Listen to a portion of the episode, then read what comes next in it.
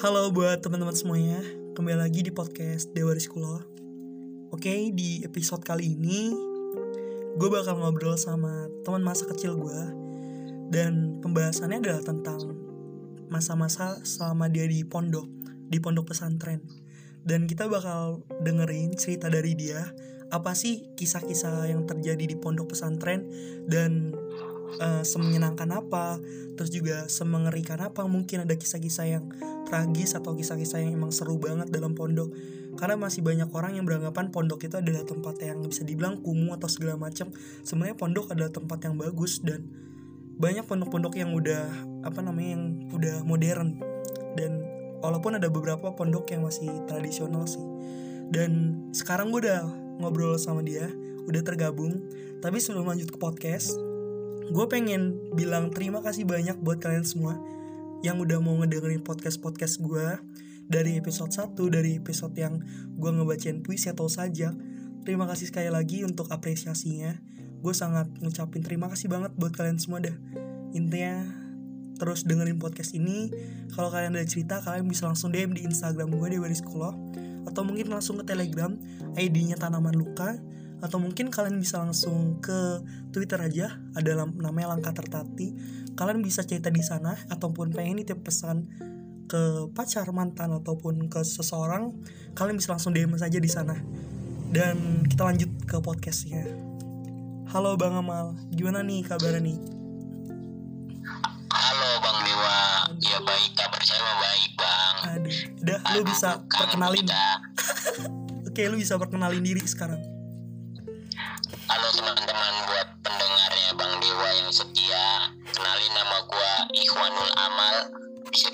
Amal teman masa kecilnya Dewa dulu. Oh ya sekadar informasi juga seperti biasanya Bang Amal ini jadi teman gue masa kecil banget di mana zaman zaman kita kecil kayak seru banget gitu ya ngabisin waktu bener-bener kayak bolang. Sih gila sih masa kecil paling gila bagi gue parah banget sampai wah nyari bunglon kita juga mandi ngobak di sungai nyari kijing ya nyuri mangga nyuri buah-buahan segala macam lah. Lu masih ingat pasti gak semua orang yang kelahiran 2000 2001 99 pasti ngerasain sih masa-masa kecil yang paling indah itu. Ya, 90 pasti nggak nggak bisa ini. Pokoknya itu masa kecil yang paling seru lah di tahun itu. Asik sih asik parah ya. Gimana nih Ini untuk sampai manjat pohon mangga buat ngambil burung burung emprit cuman ngecek sarangnya doang ada telur apa enggak ya? Nah gila sih itu. eh, jadi sebenarnya si bang Amal ini gue manggilnya bang Amal. Padahal umurnya nggak beda jauh sih sebenarnya. Tapi karena emang dari kecil gue udah manggil bang Amal jadi gue panggilnya bang Amal. Dan dia juga mungkin sekarang manggil gue bang jadi sama-sama bang nih. Tapi untuk yang kedengerin nggak apa-apa it's okay, it's okay aja. Karena kalian berhak untuk memanggil siapa pun dengan sebutan kak bang mas ataupun lainnya. Dan gue pengen ngobrolin nih tentang lu. Waktu zaman zaman kecil kan ya lu kan pas lulus SD langsung cabut nih dari pertemanan kita. Cabut untuk kayak nentuin memilih pondok. Apa sih alasan untuk kayak memilih pondok? Padahal bocah-bocah ketika lulus SD malah memilih untuk SMP kenapa lu malah milih pondok sebenarnya jadi gini bang sebenarnya itu gue nggak memilih untuk gue di apa memilih gue buat mondok jadi sebenarnya yang, yang mau dipondokin itu sebenarnya abang gue abang Iya. gue yang mau dipondokin tapi Bang. abang gue memilih kita untuk SMP SMA sekolah di luar dan mau nggak mau gue sebagai anak kedua dari lima bersaudara hmm? Ya gua uh, selalu nurutin perkataan orang apa ibu gua itu. Iya. Ya yang mau pondok ke pondok tuh ibu gua. Jadi gua nurut-nurut aja sih. Jadi jatuhnya kayak gua masuk pondok itu dipaksa sama orang tua. Dipaksa karena lu juga beranggapan kalau ini perintah orang tua gue nggak bisa nolak ataupun kayak eh gue pengen nentuin jalan hidup gue padahal sebenarnya lu ada untuk hak ke sana tapi yaudah jalanin aja gitu kan.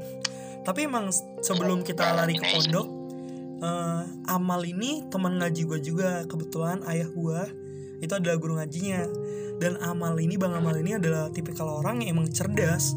Dari kecil tuh emang cerdas banget entah dia ke pengajian ya. Sebenarnya mah cerdas amat bang. Emang udah ya katanya rajin lah. Terlatih kar- karena karena terbiasa untuk terlatih. Iya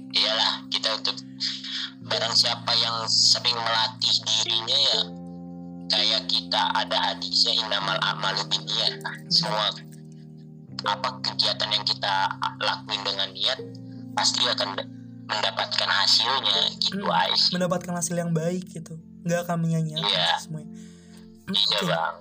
Dan akhirnya lu masuk pondok nih. Sumpah pada saat itu bocah-bocah kangen lu sih. Karena lu tipe orang yang berani banget waktu masih kita bocah-bocah nangkepin hewan. Lah itu pasti lu duluan yang terjun. Bocah-bocah tuh pasti kangen Iya. banget sama lu. Dan lu gimana tuh rasa-rasa di pondok? Waktu gue di pondok itu ya waktu gue udah masuk nih bang. Hmm? ya keadaan gue sih gue harus berbaur lagi sama teman baru. Gue harus apa namanya cari kenalan lagi. Ya susah lah. Adaptasi pertama kali itu paling susah di pondok tuh paling susah adaptasi pertama kali karena kita baru ngerasain pondok. Apalagi gue datangnya itu abis lulus SD langsung sih masuk pondok tuh lulus SD langsung. Gue langsung dipondokin. Jadi mau beradaptasi itu masih masih takut masih mikir yang di rumah masih mikir temen masih mikir semuanya lah. Ya karena karena dunia rumah. dunia apa namanya dunia lu masih dunia bermain nih dunia anak-anak gitu. Lu masih belum siap untuk kayak Ya. ibaratnya kalau saat ini merantau lah ya karena benar-benar hidup sendiri itu belajar. Dan lu harus kayak beradaptasi dengan semuanya. Itu gimana rasanya? Lu harus ketemu orang baru lu harus kayak berbagi itu pengalaman gokil sih bagi gue bang. Gokil gimana tuh? Gokil sih gue harus nyari teman-teman gue lagi yang baru sahabat gue baru lagi teman main baru ya kenal-kenalan baru lagi ya alhamdulillahnya gue waktu gue pertama kali masuk pondok itu capel ya capel di gor di gontor dua itu langsung ada temen gue langsung punya temen langsung cepet lah gue beradaptasi cepet lah Ya, tapi kan? masih Hmm. Agak sedikit sedikit nggak betah sih gue karena emang Pertama lu kali. anaknya emang wajar lah friendly baru banget. masuk kan wajar. Iya karena lu emang anaknya friendly banget. Dan lu kayak bersosialnya kuat banget. Gue tau lu gitu masih. Zaman zaman kecil semua orang pasti akrab sama lu gitu. Siapa lagi kalau Gila sih, Bang ini temen gue banyak. Iya oke. Eh, sek- Sekadar informasi juga eh, Lu waktu itu pondoknya di mana? oh pondok gue pertama kali gue ngedaftar itu di Gontor 2 Gontor 2 itu dan mana? akhirnya lulus masuk ke Gontor 6 Magelang. Oke. Dan tuh gimana tuh? Lu kan dari Jakarta nih Jakarta Timur. Dan lu harus kayak merantau untuk jauh ke pon eh, Apa namanya Gontor 6 Itu yang ada di Magelang. Itu gimana tuh? Kan jauh banget tuh. Gila sih itu pertama kali gue merantau tuh deg-degan ada campur aduk lah perasaan gue itu.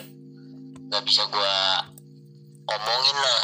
Pokoknya campur aduk di situ bang gue gue harus bisa menahan diri gue buat biar gue betah padahal sih pemikiran orang mah kagak betah pemikiran gue juga sedikit sedikit gak betah waktu itu sih Iya karena lu ya lu harus berusaha untuk beradaptasi seperti yang lu bilang tadi gitu loh.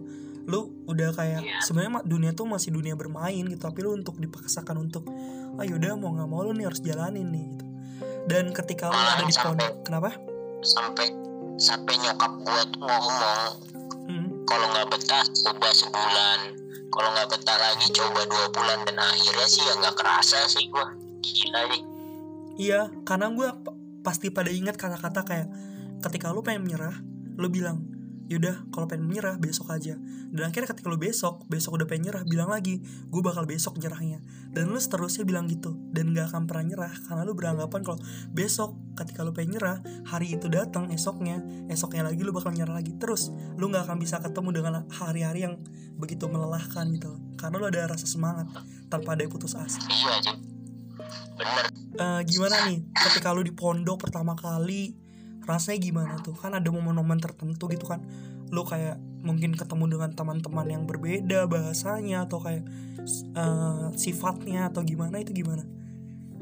Ketika lu jadi anak pondok. ketika gua udah masuk pondok itu gua ketemunya pertama kali temen ya ketemu itu tetangga gue sendiri sih. Namanya Fikri Adam. Anak mana? Dia sih anak deket rumah juga bang.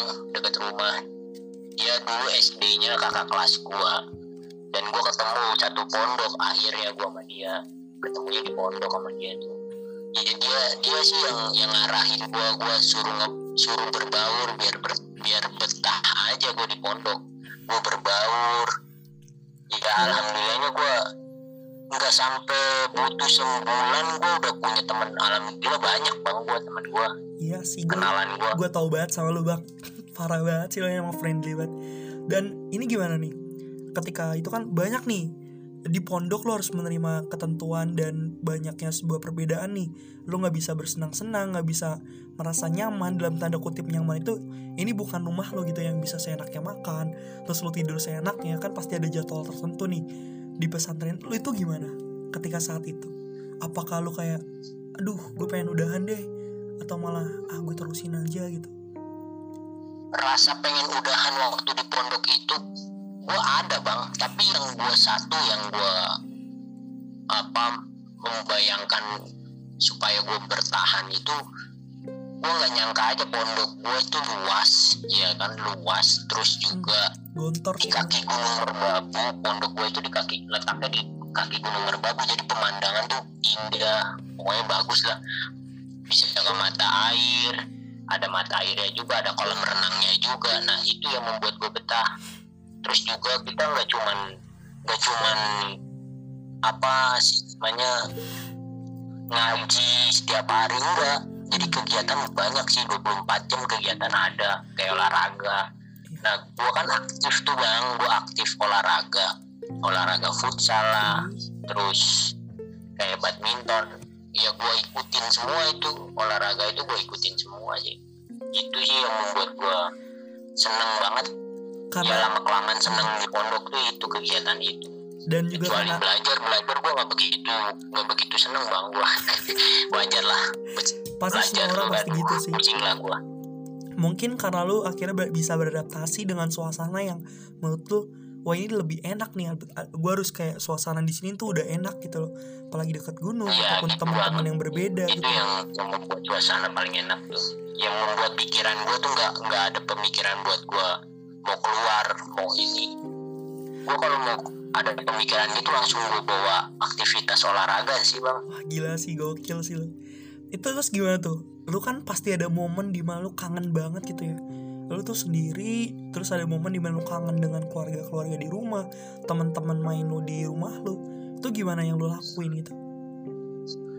Yang gua lakuin tuh bang waktu gua inget ikan keluarga di rumah ya gua salah satunya nelpon sih gua nelpon nyokap nelpon ibu gua itu nelpon ibu gua nelpon bap bokap gua ya gua minta bukan eh, minta arahan lah minta minta biar doa ya minta omongan biar gua makin betah di pondok itu aja sih gua iya solusi gue orang tua sih bang gue nelpon orang tua Oh ya ini lagi nih eh, masalah di pondok. Biasanya penyakit mudah untuk kayak langsung tersebar. Dan lu pernah nggak sih eh, kena gejala hal itu? Atau penyakit apa yang eh, lu pernah kena di waktu di pondok itu? Karena kan itu bareng-bareng tuh. Iya, waktu gue di pondok tuh penyakit yang pertama ya penyakit tuh ya dalam istilah orang pondok di Gontor itu jarban bang. Jarban itu kayak kayak kita borokan gitu benana. Itu sih wajar sih itu penyakit penyakit pondok sih gatal-gatal gitu. Kayak cacar gitu gitu. Iya kayak cacar gitu bang bentuknya kayak cacar. Pokoknya benana bang. Lu ngelihat aja tuh jijik kelihatannya bang jijik banget. Iya karena lu bisa bersama-sama gitu maksudnya kayak sabun kadang-kadang lu lupa pakai sabun orang, anduk kadang dipakai orang. Itu Iya gimana? sih itu sabun sabun kita pakai rame-rame lah. Ah, pokoknya gila sih itu gila itu, itu bang. Itu pengalaman yang di pondok yang gua nggak bisa nemuin di luar. Ya gua nggak tahu sih orang-orangnya. Kalau gua sih mungkin orang-orang kalau yang pakai di luar kayak gitu yang ngeliat-ngeliat kayak gitu sih, uh, gue yakin sih jijik. Soalnya kan tuh sabun sabun batang loh, mending sabun cair. iya bener. sabun batang ya buat rame-rame. Itu kan kita udah nggak tahu masing-masing orang udah ada penyakit apa. Nggak tahu itu makanya yang- ke mana semua ya. yang membuat iya ya, yang membuat anak-anak pondok cepet kena penyakit. Tapi itu emang penyakit-penyakit ini sih. Jatuhnya wajib bang anak pondok tuh wajib kena kecuali yang bersih sih Oke. Dan gue kalau misalnya di pondok setahu gue pasti pasti bakal bilang kayak lu jangan punya barang yang bagus, barang yang banyak karena bakal hilang gitu. loh. Entah karena apa emang Bukan hilang, bakal terjadi. Ja- jatuh bukan hilang bukan bukan hilang sih menurut gua Gimana gimana tuh? gua gua kan pernah gua ngerasain kayak gitu bang pengalaman barang gua hilang lah ya nggak jauh-jauh dari teman-teman kita sendiri sih lingkungan kita Dipakai gitu aja ya. Oke ya jatuhnya kalau bahasa Arabnya sih ya lana walakum milik untuk bersama bang Milik milikmu Sampai milikku, milikku Bang. milikmu. malahan yang lebih parahnya lagi ya bang Oke. kancut aja bisa hilang bang di jemuran tuh kancut loh kancut Itu kancut doang ya. kancut loh bang suatu hal yang yang yang orang nggak bisa bayangin kancut kok bisa hilang gitu. Itu padahal privat banget ya, punya pribadi yang nggak bisa dikotak-atik ya. sete bang itu privat malahan ya bang semenjak waktu kejadian banyak yang hilang kancut itu anak-anak tuh banyak anak pondok yang ngasih nama di kancutnya itu nama gede-gede tapi pada masih aja masih bisa hilang bang. Kayak gitu masih bisa hilang. Berarti bukan lagi sekarang sendal atau apa dinamain, kancut pun dinamain gitu ya. Jelas gokil iya itu malahan waktu waktu tragedi kejadian banyak barang yang hilang banyak pakaian-pakaian santri yang hilang gitu eh, pimpinan pondok itu sama atas eh, sama bagian pengasuhan santri itu ngadain sablon bersama jadi semua eh bukan sablon sih jadinya apa sih itu kayak Apa? ya kasih nama Mm-mm. kasih nama bareng tuh bajunya semuanya sampai ada eh eh, si namanya itu bang gue lupa ya Apa? Selatip, kayak selatip. kayak Apa? Kayak apa ya gue lupa tuh udah skip aja nggak usah dipikirin lupa mah lu udah maklum udah umur sih 99 gue lahir bang. Gila Lah. lupa ya. dan itu kan pasti ada kayak eh, apa namanya momen-momen di mana lu kadang-kadang telat bangun atau gimana telat ngaji telat sholat. Itu kan kadang-kadang kan suka rebutan tuh suka hilang-hilang tuh. Maksudnya dipakai orang tuh sarung celana atau kayak sendal itu gimana? Apakah ada hukuman tertentu atau seperti apa? Dan juga masalah masalah pondok kan biasanya kan bahasa Arab. Itu gimana? Lu pernah ada kejadian apa nggak kisah-kisah unik itu yang yang gue rasain di pondok itu waktu gue kena hukuman ya botak sih paling paling parah sama dikeluarin dari pondok.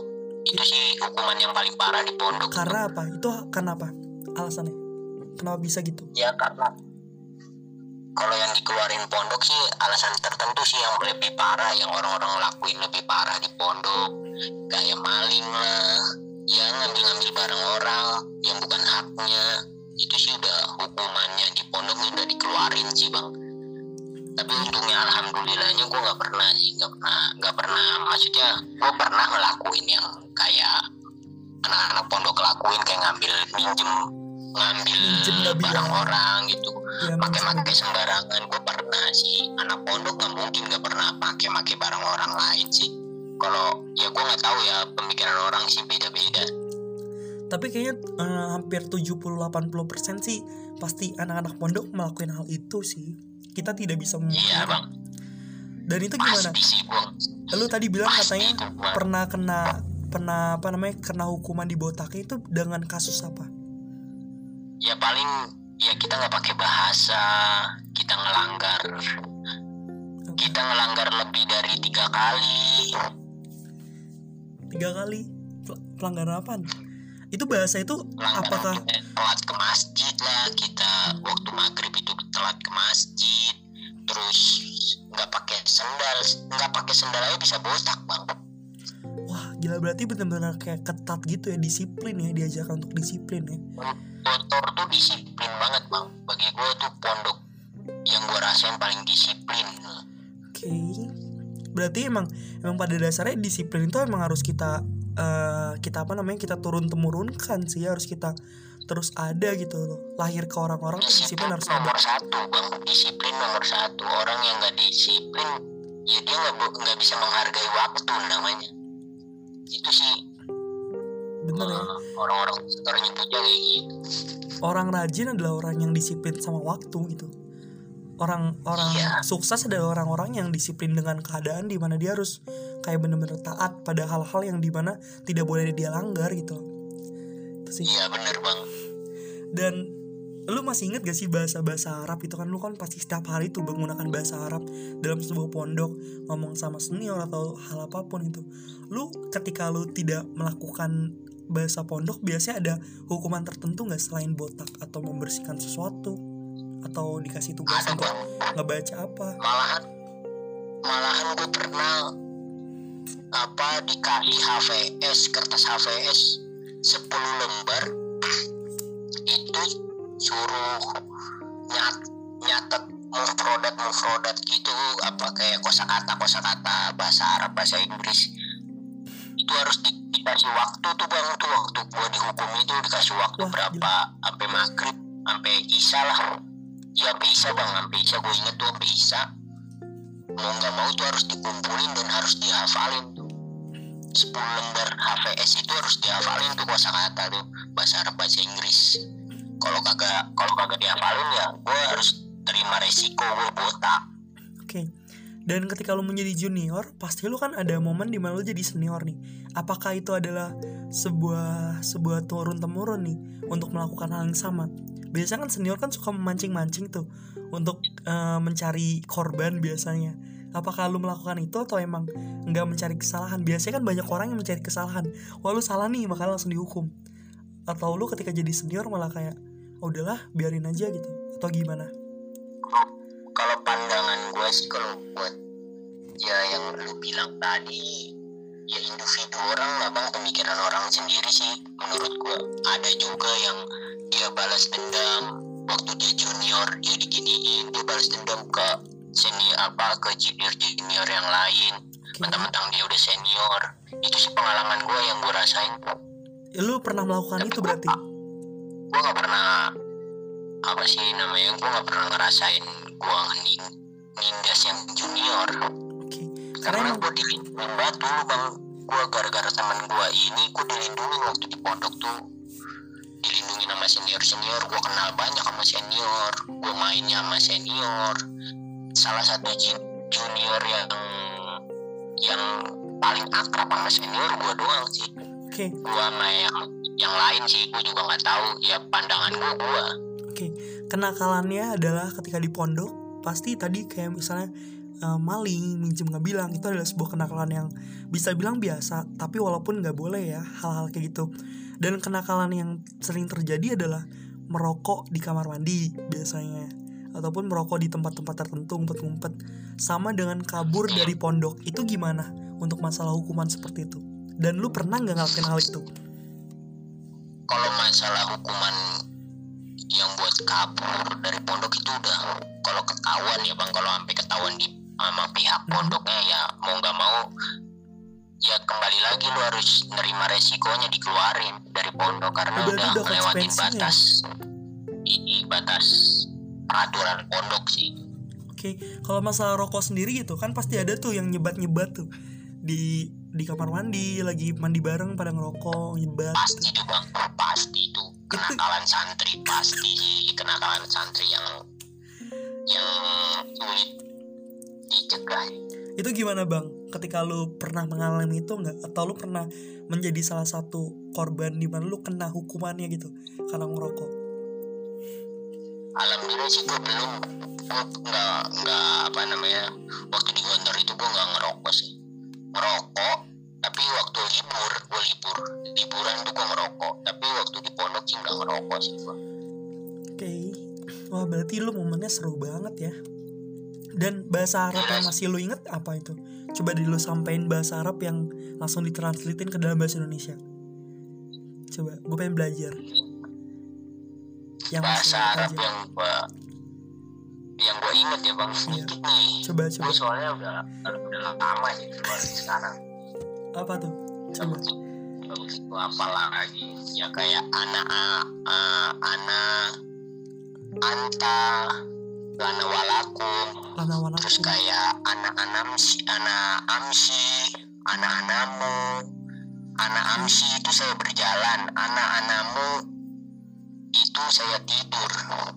Oh jadi itu itu bahasa-bahasa pokok di mana lu untuk untuk izin itu ya untuk bertemu dengan seseorang kayak misal nanya mau ke mana? Oh saya mau jalan mau ke sini gitu gitu ya. Ya mau mau ke mana itu? Ila aina anta ya akhi kayak gitu. Itu itu benar berarti harus basic kita harus tahu gitu bahasa Arab ya itu berapa lama lu Harus tahu, ngafalin Bang. bahasa bahasa Arab?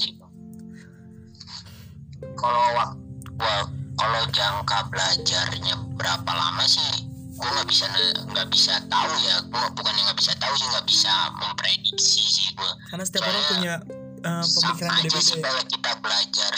Mm-mm. apa kita nih kita pergi ke suatu tempat nih yang semua orang memakai bahasa yang berbeda eh, bukan yang berbeda yang satu bahasa kayak kita ke Indonesia nih. Semua orang pakai bahasa Indonesia kan. Oke.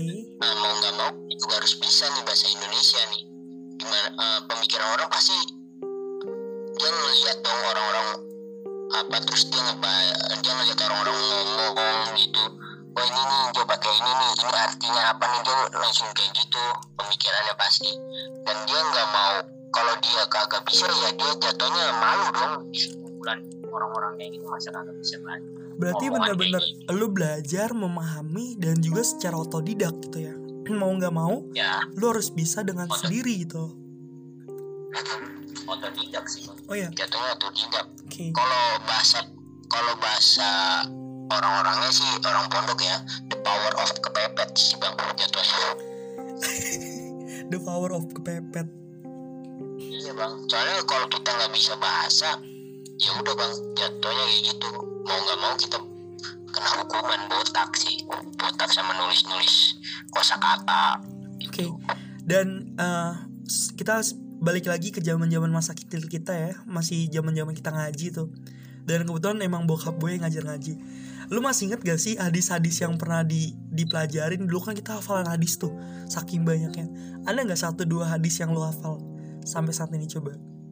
Gue ngetes aja. kalau hadis sih nggak begitu sih bang gua mahfuzot yang gua hafal Apa? mahfuzot Mahfuzot. Apa itu? Eh lu lu hafal ini gak sih? Lu ngebaca kitab gundul gak sih? Di pondok? kita dulu baca sih bang Terus gimana lu memahaminya? Itu kan bener-bener kayak nggak ada ini ya kan? Apa sih namanya? Astagfirullahaladzim. Iya nggak ada harokatnya. Itu gimana? Lu bener-bener kayak ya itu dari kita nih kalau kita udah bisa bahasa Arab udah bisa memahamin bahasa Arab kita juga pasti otodidak bang bisa bisa kita bisa ngebaca tuh kitab gundul soalnya ada pembelajarannya juga sih Oke. Eh, tadi gue sempat tanya tentang hadis. Yang gue masih inget ketika zaman zaman kita kecil hadis itu hadis yang ini sih gue masih inget. Absus salam bainahum tahabu. Sebarkanlah salam sebagaimana kalian saling mencintai. Itu. Sama apa lagi ya? Kunna narohu ayan tifaro jilu syarotal bedoa min roci. Apalah? ada lagi sih bang Apa? Coba. ridho robbi fi ridhol walidi wasukutu fi sakotil walidi. Keriduan orang tua itu tergantung eh, keriduan Allah itu tergantung kepada keriduan orang tua dan kemurkaan Allah itu Tergantung pada kemurkaan orang tua Oke, bener. itu yang melekat banget ya otak gue Iya itu juga juga sama satu gue lupa sih sebenarnya kita banyak dulu anjir. Sa kok anjir sih? kok keceplosan gue. Sampai kita tuh kayak ngafalin bener-bener ya dan si Bang Amal ini tipikal orang yang mudah memahami, mudah menghafal gitu. Jadi lebih dulu menghafal ini hadis-hadis gitu ketimbang gue tapi yang gue hafalin tapi topsus salam terus juga kunan narohu itu kalau nggak salah artinya yang mencabut bulu putih dari jenggot dan ini ya. Wah lupa lupa. Ya kalau lu mau mau, mau belajar apa hadis-hadis sih beli aja bukunya. Ada bukunya. Iya. bukunya itu namanya buku marom. Gue ada hadis lengkap. Waktu itu gue pernah beli kan ayah gue kan juga punya Iya, kan waktu itu. Iya. Dan mengenai pondok lagi balik ke masalah ke pondok nih. Ketika lu berada di pondok, momen-momen apa sih yang yang maksudnya lu sering lakuin dan itu adalah hal yang menurut lu merasa nyaman di pondok gitu. Hal-hal tertentu gitu yang yang orang lain nih eh, mungkin sering banget orang-orang di pondok itu melakukan ini dan itu adalah menjadi sebuah kebiasaan gitu untuk menghilangkan stres ya menghilangkan bosan yang berada di tempat itu itu terus gitu itu apa yang lu lakuin Kalau gue yang kalau gue buat ngilangin kebosanan gue ya kayak uh, gue sih demen banget gue dulu waktu di pondok itu gue demen banget futsal sih. Eh, sampai teman-teman gue tuh ngejulukin gue itu Messi, Messi-nya Gontor, Messi-nya Gontor 6 sampai segitunya loh. Ya karena saking demennya itu sih yang membuat gue tambah betah itu. Ya gara-gara futsal itu gue nama gue dikenang sama orang-orang sih. Malahan ditunggu-tunggu gue kalau main tuh. Kalau main futsal itu gue paling ditunggu sih. Soalnya gue dulu ya bukannya gue ini ya bang ya. Iya iya. Gue paling kecil-kecil lincah banget gue ya dari dulu kita kan main bola bareng gue tahu banget lo lu lincah banget sampai abang lu kadang-kadang suka kesel kalau main. Oke. Ya yang membuat gue betah di pondok itu sih. Dan mengenai mengenai makanan terkadang kan banyak orang yang berpikir makan di pondok mah cuma kayak tahu tempe ini doang ini segala macam kangkung atau sayuran-sayuran itu apa sih yang yang mungkin coba lu lu bisa kasih tahu gitu makanan-makanan yang di pondok ataupun suasana-suasana pondok yang jarang orang ketahui nih masih belum diketahui. Karena kan terus terang aja pondok lu kan termasuk pondok yang modern ya udah modern kan gontor itu kan ya? Pondok pondok gue sih makanan enak bang. Apa? Setiap hari Jumat ayam ikan lele oke paling nikmat paling nikmat bang. Makanan di pondok gue itu terong bang. Itu udah nikmat banget bang. Sama terong sabalado terong sama nasi campur kecap. Kecapnya tuh ada cabai-cabainya gitu sama kerupuk.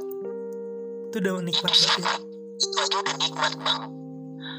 Ya menurut gue ya menurut gue nih anak pondok apa aja dimakan bang? Itu sederhananya udah ya iya karena kesederhanaan itu yang dicari gitu loh. Nggak begitu nah ribet iya tempe anak-anak pondok itu makan pakai tempe doang. Nasi sama tempe sama tahu ya udah nikmat banget bang itu. Karena ada hadisnya gue gue lupa banget hadisnya. Kalau nggak salah tuh yang isinya kayak gini artinya. Eh makanlah dengan apa sih namanya? Dulu kita sempat ngafalin kok waktu ngaji tuh inget banget. Apa ya namanya? oh aduh gue lupa gue lupa. Eh, mengenai apa gitu ya. Itu masih inget banget gue tuh dulu tuh cuman sekarang ada ada lupa ketika nge-podcast bareng lo coba lo inget-inget gue sambil ngomong. Dan sekadar informasi juga jadi itu eh, bokap gue ayah gue sebenarnya tuh guru ngajar ngaji. Yang di mana tuh ya nanti si Amal bang Amal bisa cerita lah. Eh, jadi tuh bener-bener kayak punya santri tuh banyak gitu sampai bergenerasi gitu. Ketika ayah gue ngajar ngaji tuh bener-bener kayak dari nol titik di mana dia kayak memulai memulai sebuah pengajian masjid yang benar-benar sepi kosong saya pada akhirnya berusaha untuk kayak ngumpulin satu-satu di daerahnya. Sampai saat ini pun masih ada pengajiannya. Itu karena wah banyak banget dah. itu sih motivator motivator gue pertama kali sih itu guru eh, bokap lu itu. Wah itu lu masih ingat gak kejadian-kejadian bersama bokap gue ini? Kan lu sebelum ke pondok kan kita ngaji bareng tuh ya. Dan kebetulan di mana tuh bokap gue ayah gue yang yang guru ngajinya itu. Bahkan sampai saat ini ayah gue nggak bahkan nggak pernah mau dipanggil pak ustadz karena masih belum siap gitu. Tetep aja dari dulu dipanggilnya pak eko pak eko. Dan yang lebih parahnya lagi ya ini bukan gue ngeledek ya emang udah kenyataan sih. Iya. Dipanggilnya jenggot naga itu lebih parah sih. Guru ngaji lo dipanggilnya jenggot naga diledek-ledek. Tapi masih sabar hatinya gila sih paling kalau udah marah cuman kayak ngejewer doang sih ngejewer kalau ketemu. Karena bokap gue kan apa namanya ayah gue kan udah jenggotan terus kadang-kadang suka dipirang tuh disemir warna merah. Kadang-kadang tuh. Wah gokil sih. Terus lu gimana nih masalah di pondok lagi? Ketika lu balik ke rumah apakah lu kayak uh, berasa kayak gue pengen berada di pondok lagi? Atau lu marah kayak pengen balik aja ke rumah gitu. Karena kan ketika lu libur ada momen di mana lu balik nih ke rumah. Apa lu malah kangen suasana di pondok ketika lu libur di rumah? Gua malahan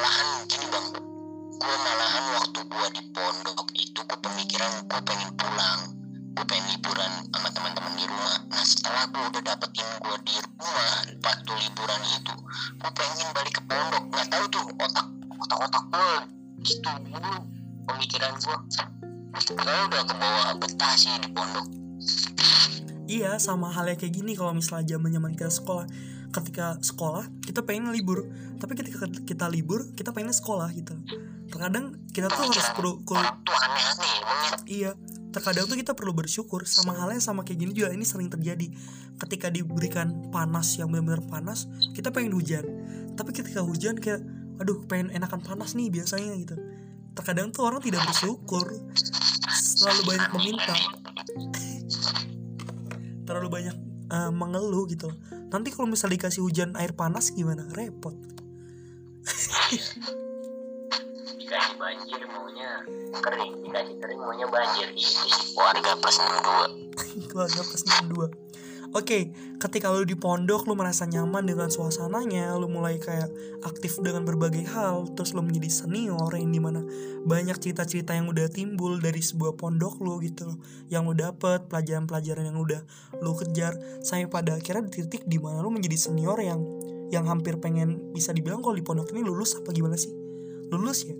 Atau di pondok itu biasanya jadi pengalaman gue tuh masih panjang bang. Cerita di pondok gue tuh masih panjang. Ya udah itu cerita baru aja.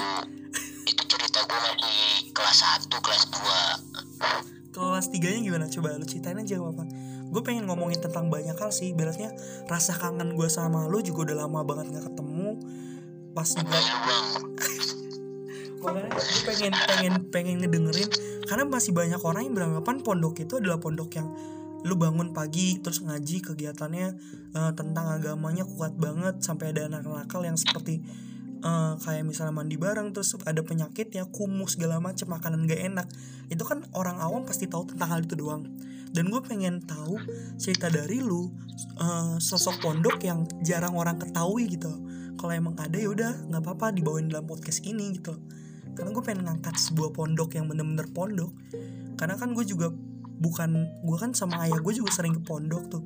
Yang gue dapetin ketika di pondok ya orang bakal bakal berpikir hal-hal yang seperti itu. Tapi sebenarnya di pondok itu adalah sebuah kebersamaan sebuah persaudaraan. Islam itu adalah agama yang kuat ya. Gue bukan menggolong-golongkan agama di sini. Tapi pada kenyataannya emang pondok kita adalah agama Islam ya dalam tanda kutip apa gitu sih pondok agama yang lain. Iya enggak. Maksudnya kan gue tadi ngomong agama Islam Takutnya ada agama lain yang mendengarkan ini Biar gue bisa ngomong lagi. Gue bukan kayak menggolong-golongkan sebuah Islam ini baik atau segala macam ya. Pada kenyataan kita akan meyakini Islam itu baik. Tapi gue belum tentu menyalahkan kalau kalau orang-orang ini adalah orang-orang yang salah gitu. Gue nggak akan pernah melakukan hal itu. Karena bagi gue adalah itu punya keyakinan masing-masing gitu kita nggak berhak kok untuk kayak menghakimi lu adalah orang kafir lu ada orang yang ahli neraka. Padahal belum tentu juga kita bakal masuk surga. Kan begitu. Iya semua orang mah nggak boleh munafik lah. Oke gimana tuh? Menurut pandangan tentang pondok lu bisa cerita aja nggak apa-apa. Apa sih yang lu lu pengen pengen kasih tahu ke teman-teman gua nih? Masalah pondok dari dari hal-hal baik yang lu yang belum diketahui oleh publik gitu oleh orang-orang banyak. Apa sih? Jadi nih pondok gua ini ya kalau kita mau pondok itu kita diajarin berbagai macam hal sih menurut eh, bukan menurut gua. Ya pemikiran gua eh, kita bisa jadi dosen kita bisa jadi pemain bola banyak sih kegiatan yang yang nah nah orang-orang bisa di luar Oke. itu jadi sukses Oke, jadi gue potong sebentar Oke, gue potong sebentar, sorry banget ya. Ini ini juga terkadang banyak orang yang berpikir kalau anak pondok pasti ujung-ujungnya jadi ustadz. Padahal orang-orang pondok juga banyak juga yang malah jadi eh, kegiatannya malah di luar gitu kayak di pemerintahan atau mungkin kayak di kegiatan lain olahraga atlet atau segala macam banyak orang yang berpikir kalau lulusan pondok pasti jadinya ustadz gitu loh itu banyak iya bang yang ini itu tuh orang-orang juga banyak yang mikir kayak gitu padahal bisa jadi apa aja yang mereka mau sih pondok tergantung diri mereka sih pem, uh, mereka tujuannya ke mana ya tergantung mereka sih. Oke. Dan lu pernah nggak sih di, ditanyain kalau misalnya lu uh, lulusan mana? Lulusan pondok. Terus ada nggak sih orang kayak meremehkan ah, lulusan pondok mau kerja apa? Atau segala macam ada nggak ya pasti sih ada tapi gue nggak pernah menilai orang sih dari ya biarin mereka berpikiran gue kayak gitu ya gue sih jalanin aja sih semangat aja lah gue jalanin hidup gue gitu sih bang gak ngurusin hidup orang lu ya intinya hidup hidup gue aja udah jalanin aja gitu ya ya lu lu lu lu gua gua gitu aja terus gimana mengenai pondok-pondok yang lo udah gak sih momen tertentu di mana lo kayak kan ada tuh perkumpulan biasa di aula atau apa gitu pengajian bareng atau lu sebenarnya udah hatam berapa kali waktu di pondok? Hatam sih enggak bang gua. Masa lu nggak pernah hatam? Lu udah di pondok kan tujuh tahun. Tujuh tahun udah berapa soalnya tahun? Gontor itu jatuhnya bukan kayak ke salafi gitu bang. Gua umum uh, umum sih. I know, terlalu fokus ke umum. I know I know. Eh, sorry sorry banget gue potong. Gue nggak mau lu nyebutin golongan-golongan yang ada oke? Takut Oke, takut bahaya takut bahaya. Kita nyari aman aja jalan aman. Lu udah ke- keceplosan satu tuh tadi oke. Ya eh, skip skip lah titit skip skip dan lu eh, apa namanya? Tadi bilang kayak lu ja eh, hamp- hampir nggak pernah apa emang nggak pernah atau lu pernah hatam atau gimana? Lu kan lama kan di pondok? Hampir tujuh tahun 8 tahun ya? 8 tahun 8 tahun ya? ya pernah sih. Pernah bang. Matam pernah tapi nggak mau ya menjauhi ron. Apa sih mau nggak mau? Gue tuh orang nggak suka memperlihatkan diri gue bang. Oke. Kebaikan harus kita simpan sih ya. Nggak harus kita apa sih masalahnya? Kayak ditunjukkan ke banyak orang itu gue segini gue segini itu malah jatuhnya ria. Bener sih sorry banget. Mungkin pertanyaan gue yang salah. Eh, dan Tanya lu nggak salah bang. Bener. Tapi ya guanya yang nggak mau terlalu terlihat banget sih ya bagus dong berarti emang soalnya ya gue di pondok itu gak mungkin pemanda apa pemandangan kan? Pandangan Pandangan. orang itu gue di pondok itu gue rajin gue apa namanya orangnya baik. pinter agama. Enggak Sopan. enggak juga sih. Kalau ini gue sih enggak gue enggak enggak enggak, enggak apa enggak bagus-bagus amat agama gue terus juga gue enggak enggak pinter-pinter amat buat ngafalin Quran buat hatamin Quran. Gue enggak begitu rajin. Eh, sampai waktu gue liburan aja ditanyain sama kakak sepupu gue lu kenapa nggak nggak nyoba nggak coba ceramah di masjid nggak coba khutbah di masjid waktu Jumat? Gue berani sih berani bang. Gue khutbah ceramah tuh berani sih sebenarnya tapi ada tapinya nih. Gue nggak mau. Ya kita banyak nih di kalangan orang-orang yang lain ya kan? Eh gue ngerinya semua orang tuh pemikiran kan berbeda-beda ya. Gue ngeri aja sih orangnya. Gue tak masih takutan sih belum belum begitu berani buat belum siap lah ya. menyuarakan buat orang-orang lain belum siap lah pada akhirnya lu masih belum siap masih merasa diambang kayak ragu pada suatu hal masih kurang sih menurut gue gue masih kurang kurang ilmu ya masih kurang ilmu sih. Oke, Oke, dan lu 8 tahun di di pondok pesantren. Itu pasti banyak banget hal-hal yang lu dapetin. Banyak hal-hal yang kejadian yang lu nggak mungkin bisa lupain. Hal-hal yang di mana tuh ngebuat lu merasa kangen untuk balik lagi pondok. Dan pada akhirnya lu kayak wah gila sih cepat ini lu udah kayak ngelewatin 8 tahun begitu aja. dan lu pernah bilang sama gue lu pernah ngajar di pondok waktu itu. Ketika lu ngabarin gue mainlah ke Jakarta gitu kan gue tunggu sebelum gue balik ke pondok nih. Itu lu ngajar apa di pondok? Sebagai senior kah atau kayak sebagai pemantau gitu? Atau gimana? Ya sebagai pemantau sih gue jatuhnya ya gue cuman ngajar-ngajar kecil-kecilan bang. Ngeluangin waktu aja buat gue ngasih-ngasih ilmu yang gue dapet aja sih sedikit-sedikit. Uh, apa namanya? Apa sih? Aduh ya Allah gue lupa. Uh, ilmu yang baik astagfirullah gue salah. Apa? Hadis tuh ada kayak gitu. Orang yang aduh lupa astagfirullahaladzim ya Allah. Al-ilmu nurun wa nurullahi la yudahri asi artinya al-ilmu nuru wa nurullahi la yudahri asi yang artinya yang artinya kalian cari sendiri. Gue gak begitu uh, gak begitu paham artinya sih gue gue berharap lu gue sih paham bukan pak bukan yang gak paham ya gue tahu artinya sekarang sih udah lupa. Iya, karena karena uh, ada hal-hal yang di mana lu masih sekarang berkegiatan di pekerjaan lu kan, dan udah di luar ya ya, jadi udah udah punya pemikiran yang lain, maksudnya bukan melupakan ya, tapi dalam tanda kutip lupa Iya, pada hal yang wajar. jangan salah frekuensi Sa- iya salah arti malah nanti malah bilang ah lu mau lupain ya sebenarnya bukan melupain tapi kelupaan. Untuk melupai dan kelupaan itu dua versi yang berbeda. Walaupun pada akhirnya kata lupa itu adalah hal yang sama tapi lupa dan ngelupain itu versi yang berbeda ya ngelupain emang dia niat untuk ngelupain. Tapi kalau kelupaan ya emang dia lupa aja. Karena ada pikiran-pikiran lain yang harus dia pikirkan gitu loh.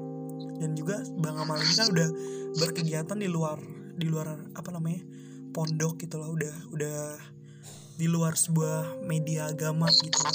Eh media agama. Ya sa- kayak gue ngomong tadi gue nggak begitu. Hmm.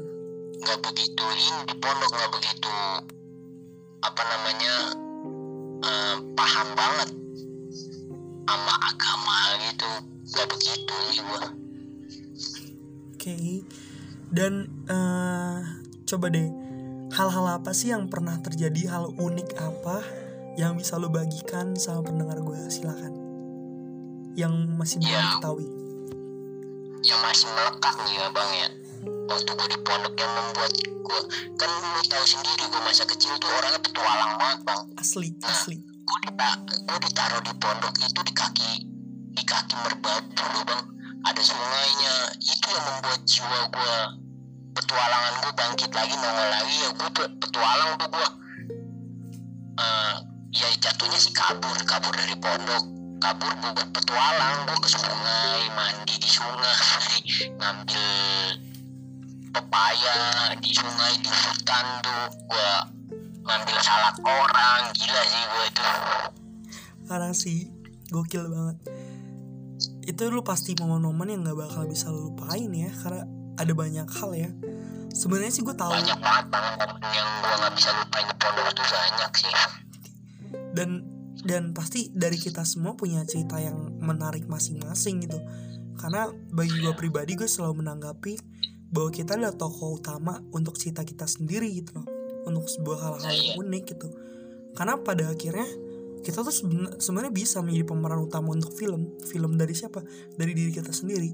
Dan itu adalah sebuah usaha di mana kita tuh harus benar-benar kayak memanfaatkan sebuah waktu untuk ngebuat hal-hal yang yang di mana tuh untuk kita ingat gitu. Yang tidak bisa dilupakan. Gitu kan ya? Iya. Dan ada gak sih pesan-pesan atau hal-hal apa yang bisa lu bagikan sama gua atau lu pengen sampaikan atau para pendengar gua hal-hal yang bisa dibagikan tentang agama atau masih ada hal-hal yang kesalahpahaman pengen lu benerin lu gua kasih waktu untuk ngomongin hal itu. Silakan. Ya buat pendengar setianya Bang Dewa sebenarnya pondok bukan sebenarnya sih pondok itu ibaratkan bengkel motor bagus dibenerin jadilah tambah bagus motor jelek dibenerin. Bisa rusak lagi bisa bagus lagi. Jadi ya ketentuan di, dari diri lu sendiri. Ya maka dari itu gua itu apa namanya mau ibaratkan kayak motor jelek yang nggak bisa diperbaikin lagi. Bukan nggak bisa diperbaikin bisa diperbaikin tapi diriku masih menolak. Soalnya teman-teman gue juga di luaran banyak yang nakal. Lo tahu semuanya orang-orang pada pasti punya teman-teman yang nakal. Dan gue sih orang yang gampang berbaur sama orang-orang lain. Yaitu jadinya gue gampang terpengaruh. Jadi lu jangan nganggap orang-orang pondok itu semuanya benar. Semuanya baik semuanya gitu ya. paham tentang agama tentang dan tentang ya tentang tentang kayak ajaran-ajaran agama Islam gitu loh. Yang baik. Ya semua pondok eh, orang-orang pondok nggak begitu paham sih. Ya gini sama gue juga pengen ngingetin juga. Banyak orang yang mengartikan wah anak pondok nih. Ini anak pondok seperti ini Eh, kita berusaha untuk jangan menyalahkan sebuah tempatnya pondoknya tapi kita sebenarnya kita melihat dari anaknya karena bener kata tadi bang Amal bilang setiap orang tuh punya punya apa namanya watak yang berbeda gitu loh.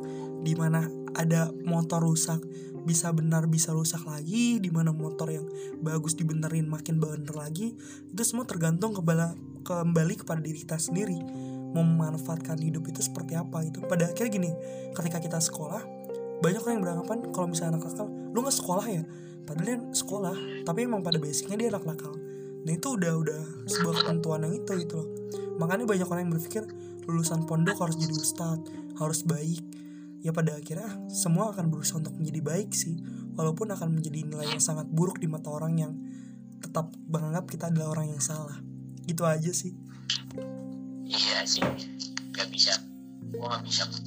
Sebenarnya kalau mau cerita pondok dari awal sih bisa aja. Ya, waktunya ya bang ya. Waktunya lu menentui nggak ini udah jam berapa ini kita? Sebenarnya emang gue enak-enak aja mau ngobrol sama lu. Cuman karena tadi kita kurang persiapan dan banyak ngomongnya juga tadi telepon karena saking kangennya. Asik deh kangen kangen jadi yaudah ini aja mungkin buat pendengar semua. Eh, kalau misalnya ini banyak yang dengerin dan ada hal-hal baik yang bisa dipelajari kalau misalnya tadi ada salah-salah kata mohon maaf banget karena kebetulan kita berdua nih kayak ngobrolin hal yang maksudnya kayak dadakan aja sebenarnya dalam tiga hari kebelakangan saya bilang sama gue bilang sama bang Amal "Eh, bang Amal yuk kita ngomong podcast yuk ngobrolin tentang agama apa sorry sorry ngomongin tentang pondok masa-masa di pondok seperti apa cita-cita menarik. Kira dia bilang oke kapan-kapan deh. Akhirnya gue tentuin dan malam minggu kita fix banget untuk kayak ngobrolin. Tapi sebelumnya ketika pengen berlangsung ini malah gue sama Bang Amal tuh malah ngobrol asik-asik aja cita-cita dulu. Sampai akhirnya lupa untuk konten podcast ini gitu loh. Yaudah mungkin kalau misalnya ada kesempatan lagi waktu lagi gue bakal ngobrol lagi sama Bang Amal untuk masalah pondok ini ngebahas hal-hal yang yang masih belum apa namanya diomongin lah. Mungkin akan kita pikirkan bareng-bareng kita kasih eh, apa namanya kita taruh dalam kerangka podcastnya biar lebih matang lagi untuk disampaikan biar kita tidak lupa. Karena tadi ada momen-momen di mana kita sempet slack gitu ya. Habis lupa arti biasalah bocah-bocah dulu ya, kita selek selek selek temenan lagi selek selek temenan lagi ya itu sih yang membuat gua kangen deh Oke, dan tadi kalau misalnya ada kesalahan dan kekurangan ya mohon maaf banget karena manusia adalah tempatnya tempatnya tempat orang salah. Eh, karena manusia adalah tempat salah. Gimana sih? Kok gue jadi lupa? Karena manusia adalah tempat yang salah. Gimana, Bang Amal? karena manusia tempatnya Sama dong apa yang gue kok kita sama-sama lupa ya udah tua sih. Bukan tua sih, kita kebanyakan mikir hal-hal yang lain di luar tentang ini sih. Ah, karena manusia adalah tempat salah, tempat gitu sih. Udah oke next aja nanti kita pikirkan bagaimana untuk buat temen-temen yang dengerin ini tolong dibenerin kata-katanya. Langsung DM gue aja bang kata-kata yang baik tuh ini gitu. Dan untuk tadi yang kurang-kurang ah ini ibaratnya kayak nongkrong aja sih nongkrong bentar ngomong berdua tapi direkam gitu Iya. sih. Tapi seru banget. Makasih banget lo udah mau mampir di podcast gue kapan-kapan kita ngobrol lagi ya tentang masa kecil. Dan untuk next mungkin ada konten untuk podcast lagi mengenai pondok yang bakal kita persiapkan nanti. Oke segitu dulu. Buat teman-teman Oke siap. Dan buat teman-teman kalau pengen tahu uh, uh, kesibukan Bang Amal seperti apa Kalian bisa langsung cek di Instagramnya dengan nama Apa Bang Amal? ICH titik amal. Dan gua anaknya traveling banget sih asik. Enjoy sih Musafir. Safir lah Safir Perjalanan. Oke itu aja. Gue mohon maaf banget kalau ada kekurangan dalam podcast ini Karena bagi gue adalah podcast gue pengen ngobrol dengan banyak orang Dan di mana ada hal baik bisa kalian ambil Ada hal buruknya segera dibuang jangan pernah diikutin Karena setiap orang adalah punya cerita masing-masing Punya cerita buruk, punya cerita baik Yang di mana kalian bisa memahami dengan sendiri Jangan pernah menyalahkan seseorang dan jangan pernah beranggapan bahwa orang itu baik. Terkadang ketika kita menganggap diri kita baik di mata orang lain, itu adalah kita termasuk orang yang salah. Dan jangan pernah kita beranggapan bahwa menjadi baik itu adalah sebuah usaha yang salah. Menjadi baik ada usaha di mana kita harus berbuat baik. Walaupun pada akhirnya kita akan salah di mata orang-orang yang membenci kita. Tetap berbuat baik, jangan pernah merasa bahwa dunia tidak adil. Jangan lupa untuk selalu bersyukur, jangan pernah mengeluh. Belajar untuk kayak alhamdulillah nikmatin segala hidup yang ada pada akhirnya kebahagiaan akan menghampiri itu aja dari gue bang Amal mungkin ada tambahan ya bagi gue sih ya jalanin aja hidup lu. Syukurin apa adanya. Jangan pernah mengeluh. Jangan pernah ada kata menyerah. Lah orang nyerah tandanya orang yang lemah. Itu aja sih bagi gue sih. Oke. Orang yang menyerah ada orang yang lemah